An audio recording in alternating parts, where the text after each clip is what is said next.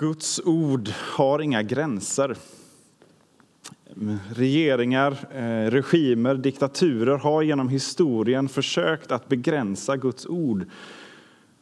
Förhindra att Guds ord talas, predikas, når människor.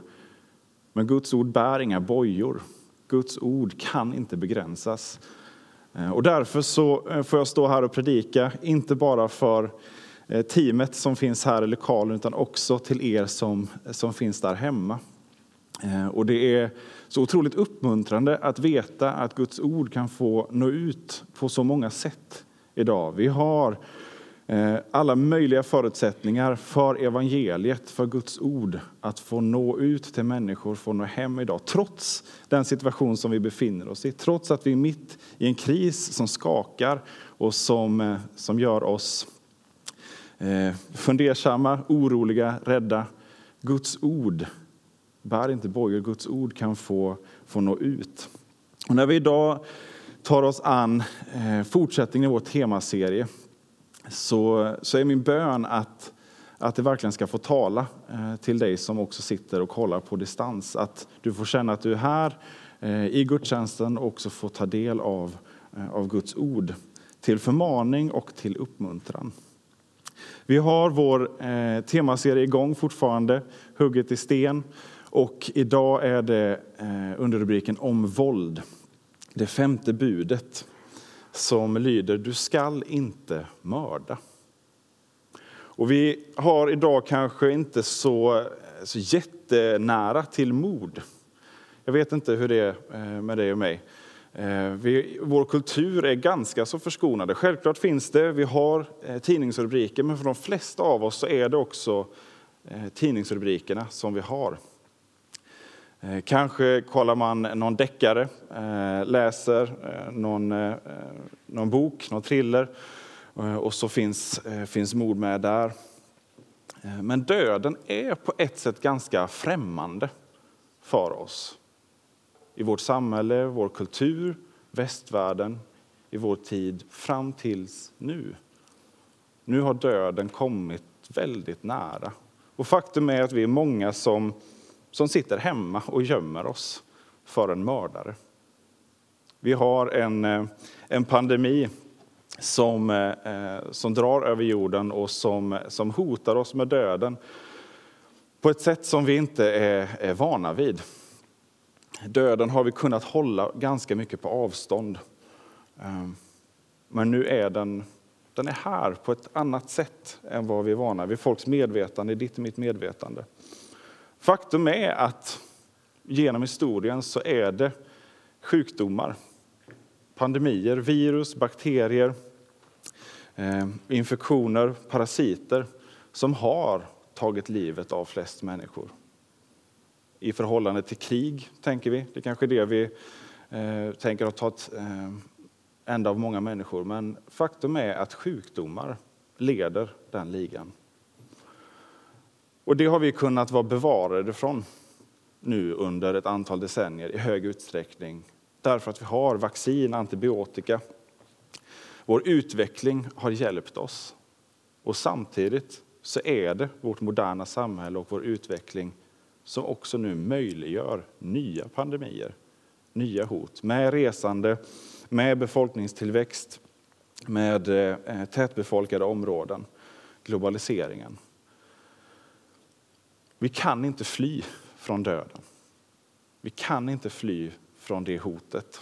Hur mycket vi än vill, hur vi än försöker driva utvecklingen för att skydda oss från det så, så kan vi inte utradera faran.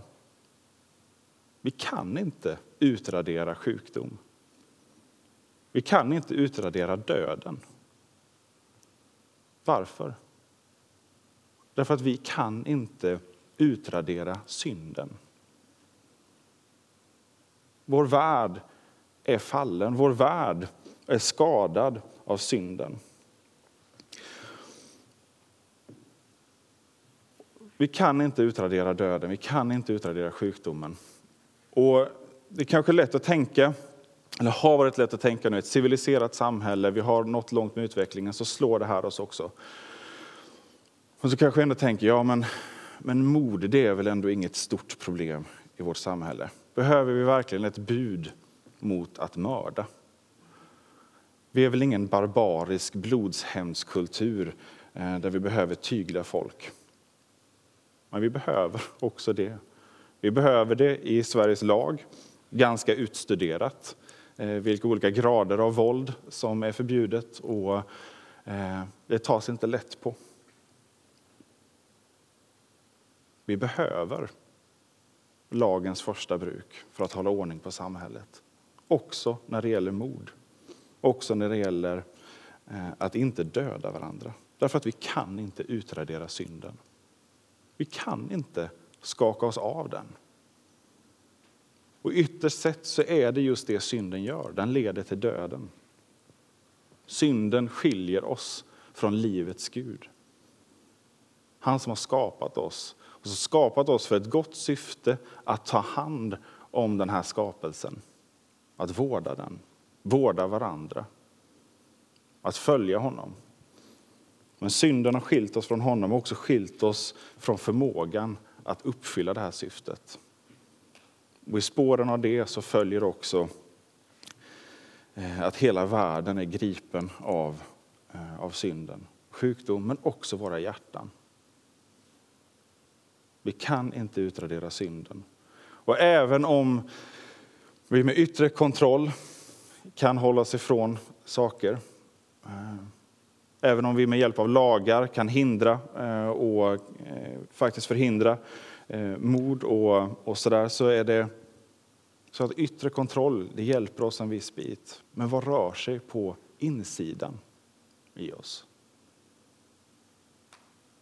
Och budet du ska inte mörda kanske många tänker är, ja men den kan jag ganska enkelt ändå checka av.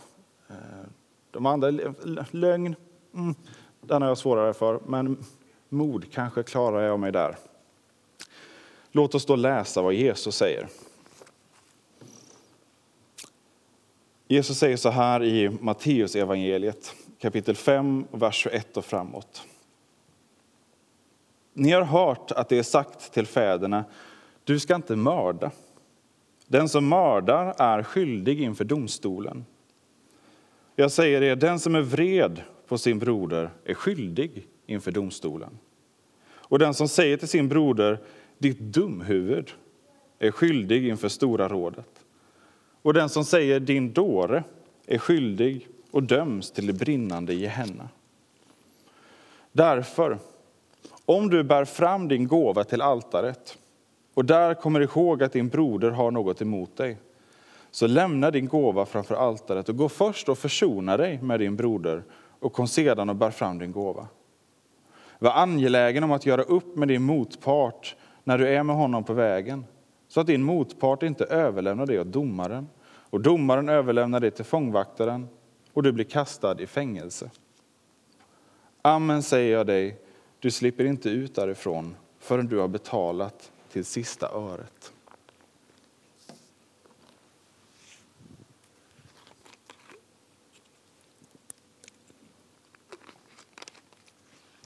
Jesus talar om det här budet och nidbilden av Jesus som en, eh, en snäll, eh, eh, enkel person som, eh, som gör det mycket lättare att leva efter lagen stämmer inte.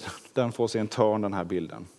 Jesus säger, om du har sagt ett hårt ord mot din broder, då är du skyldig till mord. Jag som precis hade prickat av det budet. Det är omöjligt för oss att överblicka konsekvenserna av det vi gör mot varandra. Och det är faktiskt så att vi kan utöva våld mot varandra även ifall det inte är fysiskt. Våra ord har en sån otrolig eh, makt, en sån eh, otrolig förmåga eh, att antingen lyfta varandra eller sänka och bryta ner varandra. Och det är omöjligt för oss att överblicka vilka konsekvenser mina ord kan få. När jag är helt ogenomtänkt i, eh, i irritation slänger ur mig någonting så kan det få eh, få konsekvenser för en människas eh, eh mående hela den dagen. Eh, för dens prestationer, för hur den möter ytterligare människor. På ett sätt som en smitta som också riskerar att sprida sig vidare. Är det riktigt hårda ord så, så kan det också få den konsekvensen att det leder till döden. När en människa blir så nedbruten av vad eh, människor i närheten eller på avstånd, oavsett om det är i en relation eller om det är näthat, bryter ner så mycket så att man inte längre orkar leva. Vi tänker att det är ett lätt bud att undvika, att inte mörda. Men när vi prövar och ser att det vi uttalar, det vi gör, hur vi förhåller oss till varandra faktiskt kan leda så långt som till att människor dör. Och som om det inte vore nog med det så är det inte bara så att en aktiv handling eller ett ord kan drabba någon hårt, utan även passivitet. Att jag inte griper in kan också leda till att människor dör. När jag har möjlighet att förhindra någonting, men låter bli. När jag har möjlighet att hjälpa någon och ändå inte gör det. Kanske var jag den som hade möjlighet. Civilkurage förväntas vi ha i vårt samhälle. Att när vi ser någon fara illa, eh, vi är ute på stan, att gripa in. Åtminstone tillkalla eh, polis och ordningsmakt. Men också civilkurage när det inte handlar om eh, lagbrott eller eh, direkta eh, överfall. Att när människor far illa, när människor mår dåligt och vi har möjlighet att vara den som, eh, som bryter det och som kan lyfta en människa, men vi låter bli. Vi ser inte konsekvenserna av det. Så för att vi inte ska hamna i en situation där vi har något otalt med vår nästa så räcker det inte bara med att, eh, att låta bli eh, att göra ont. Utan vi behöver också vara snabba och gripa in när det behövs. Och att inte avstå möjligheten att göra gott. Och Det blir så tydligt nu när vi har eh, den här pandemin som, eh, som sveper fram. Det är av största vikt att vi visar hänsyn till varandra. Vi vet inte vem som drabbas av att jag är oförsiktig, av att jag nonchalerar min egen eh, eventuella smittspridning. Vi vet inte vem som drabbas i förlängningen. Och det här gäller alltid. Det är inte bara nu när vi befinner oss i den här krisen, i den här pandemin. Det här är alltid sant. Men kanske kan det här få verkligen sätta fingret på hur otroligt svårt det är för oss att överblicka konsekvenserna i andra, tredje, sjätte, tionde led av det jag bestämmer mig för att göra eller inte göra idag. Vi står också inför en, en svår utmaning nu eh, där generationer riskerar att ställas mot varandra. Vi har äldre som utgör en, en särskild riskgrupp och där, eh, där yngre som nonchalerar eh, och tänker att ja, men det här, eh, jag ska ju få milda symptom bara, jag behöver inte vara så noga. Där man helt plötsligt gör våld på en äldre generation eller på andra grupper som riskerar att drabbas av det. Men det går också åt andra hållet. Det som händer nu är att vårt samhälle Eh, drabbas inte bara av sjukdomen utan också av krisen. Vi är många som känner av det på olika sätt. Eh, den yngre generationen som har en framtid här nu där vi inte vet, där man står i ovisshet för hur det här kommer drabba och påverka samhället lång tid framöver. Därför att vi måste rädda varandra. Så även de yngsta gör en uppoffring, vare sig man vill eller inte. om vi inte är vaksamma så kan följderna av det här få oanade konsekvenser för oss, för våra relationer, för generationer emellan, för vår förmåga att faktiskt offra någonting för någon annan. Vi lever i en tid som har präglats av extrem individualism. Var man för sig.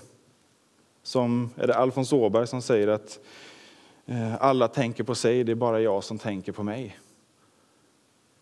Där riskerar vi att hamna ännu hårdare om vårt samhällsklimat hårdnar ännu mer. Där vi ställer grupper mot varandra. Det här behöver evangeliet få komma in. Det glada budskapet om Jesus Kristus. En som har dött för alla, för att alla ska få leva i honom. I dopet så dör och uppstår vi med Jesus. Döden är inte längre det yttersta. Synden är utraderad. Dess konsekvenser gäller inte längre. Vi ser följderna av synden fortfarande och vi väntar och ropar efter Jesu återkomst. När all ondska till slut förintas. Fram till dess så går evangeliet fram genom alla som tar emot det och tror. Och en annan värld är möjlig. En värld där det finns förlåtelse och där det finns upprättelse. Också för den relation som har drabbats av eh, de svåraste oförrätterna. Det finns förlåtelse också för mord. Det finns förlåtelse när vi har skadat varandra allvarligt. Men det kräver att jag backar från min rätt, slutar försvara ehm, på vilket sätt det än kan vara att jag hade rätt att agera på det här sättet eller det var mitt morgonhumör som, eh, som gjorde det här. I Jesus Kristus är vi ett. Vi lever inte längre för oss själva. Jag måste inte längre kämpa för min plats. Jag måste inte längre säkra min trygghet, min tillvaro på bekostnad av andra därför att jag vet att en, Jesus Kristus, har betalat det yttersta priset för mig. Han har gått i döden för mig. Och då behöver jag inte längre kämpa med näbbar och klor för min position, för min plats. Och därmed kan jag också få bli befriad från många av de risktillfällen som finns att skada andra. Om jag håller blicken på Jesus Kristus och låter honom få, få forma mig. Om jag ständigt lever i omvändelse, ständigt söker förlåtelse, är ärlig med, med vad jag eh, gör för fel och är snabb till att be om förlåtelse inför honom, men också den som eh, av mina medmänniskor som jag har sårat eller skadat. Och om vi lever i Kristus så är de största hoten inte längre så stora. Sjukdom och död skrämmer oss och kan slå hårt. En ekonomisk kris likaså. Men var har vi vår yttersta trygghet? Det här kan också få bli en tid som smärtsamt förvisso, men ändå kan få avslöja avgudar i vårt liv. Där vi har satt vårt yttersta hopp till någonting som inte visar sig hålla. Som, inte visar, sig, som visar sig inte vara eh, någon garanti för fullständig trygghet.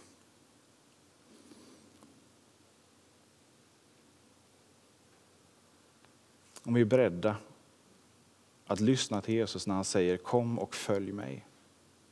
Och ta lärjungarnas exempel att släppa allt och följa honom. Vad det än är vi har byggt upp vår trygghet i, vad det än är vi försvarar vårt beteende eller våra attityder med. Vad det än är som gör att det är så svårt att, eh, att be vår nästa om förlåtelse. Om vi följer honom, om vi svarar på hans inbjudan, tar emot hans förlåtelse så kan vi också få befrielse från allt detta som binder oss, som vi inte ens kanske har sett binder oss. Jag vet inte om du har mördat. I handling eller i ord. Jag vet inte om du har brukat våld, fysiskt våld mot din nästa, mot partner eller barn. Eller mot ett ofött liv. Jag vet inte vem du har försummat eller ignorerat som du skulle ha kunnat rädda. När Jesus säger allt vad ni har gjort mot dessa mina minsta har ni också gjort mot mig. Allt det ni har försummat att göra mot dem, det har ni inte heller gjort mot mig. Jag vet inte. Allt som finns ute i världen, men jag vet en sak. Det är att det inte är för sent att vända om. Det är inte för sent att ta nöden på allvar, den, de skakningarna som går igenom vår civilisation just nu, att ta det på allvar och inse att det jag har byggt eh, på, det jag har lagt min trygghet i, som inte är Jesus, men märker att det inte håller. Det är inte för sent att nu vända om. Hans kärlek är större än din synd. Jesu Kristi kärlek är större än din synd. Jesu Kristi kärlek är större än min synd. Och han säger till den som har syndat, inte heller jag dömer dig. Därför att han har tagit domen. Han har redan dömts. Han har tagit det yttersta, den yttersta konsekvensen av synden, döden. Det har han gjort därför att han vill befria dig och mig från synden. Och han vill befria dig och mig från oss själva.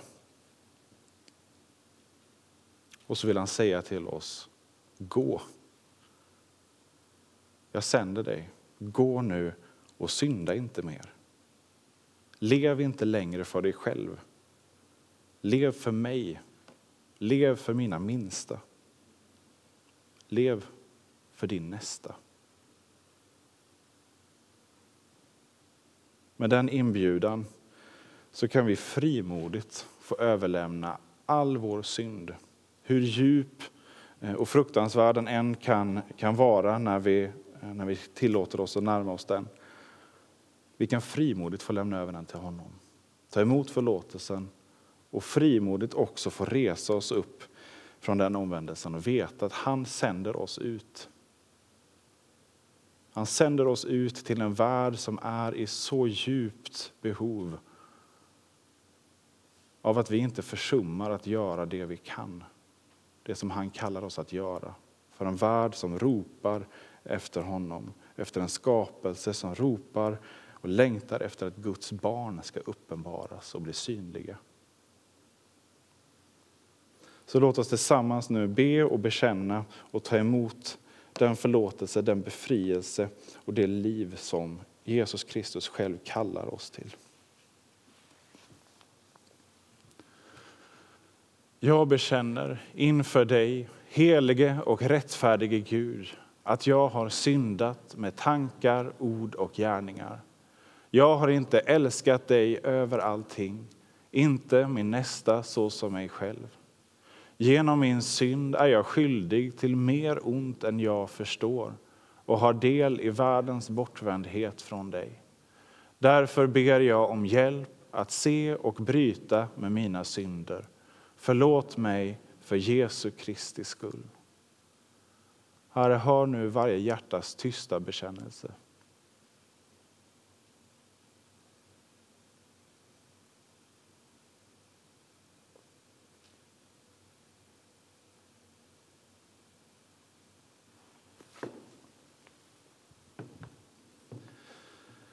Till dig som ber om förlåtelse för din synd säger jag på Jesu Kristi uppdrag. Du är förlåten. I Faderns och Sonens och den helige Andes namn. Amen. Vi ber och tackar. Gud, vår Fader, tack för att vägen till dig alltid är öppen genom Jesus Kristus. Hjälp oss att leva i din förlåtelse. Stärk vår tro, öka vårt hopp och uppliva vår kärlek. Amen.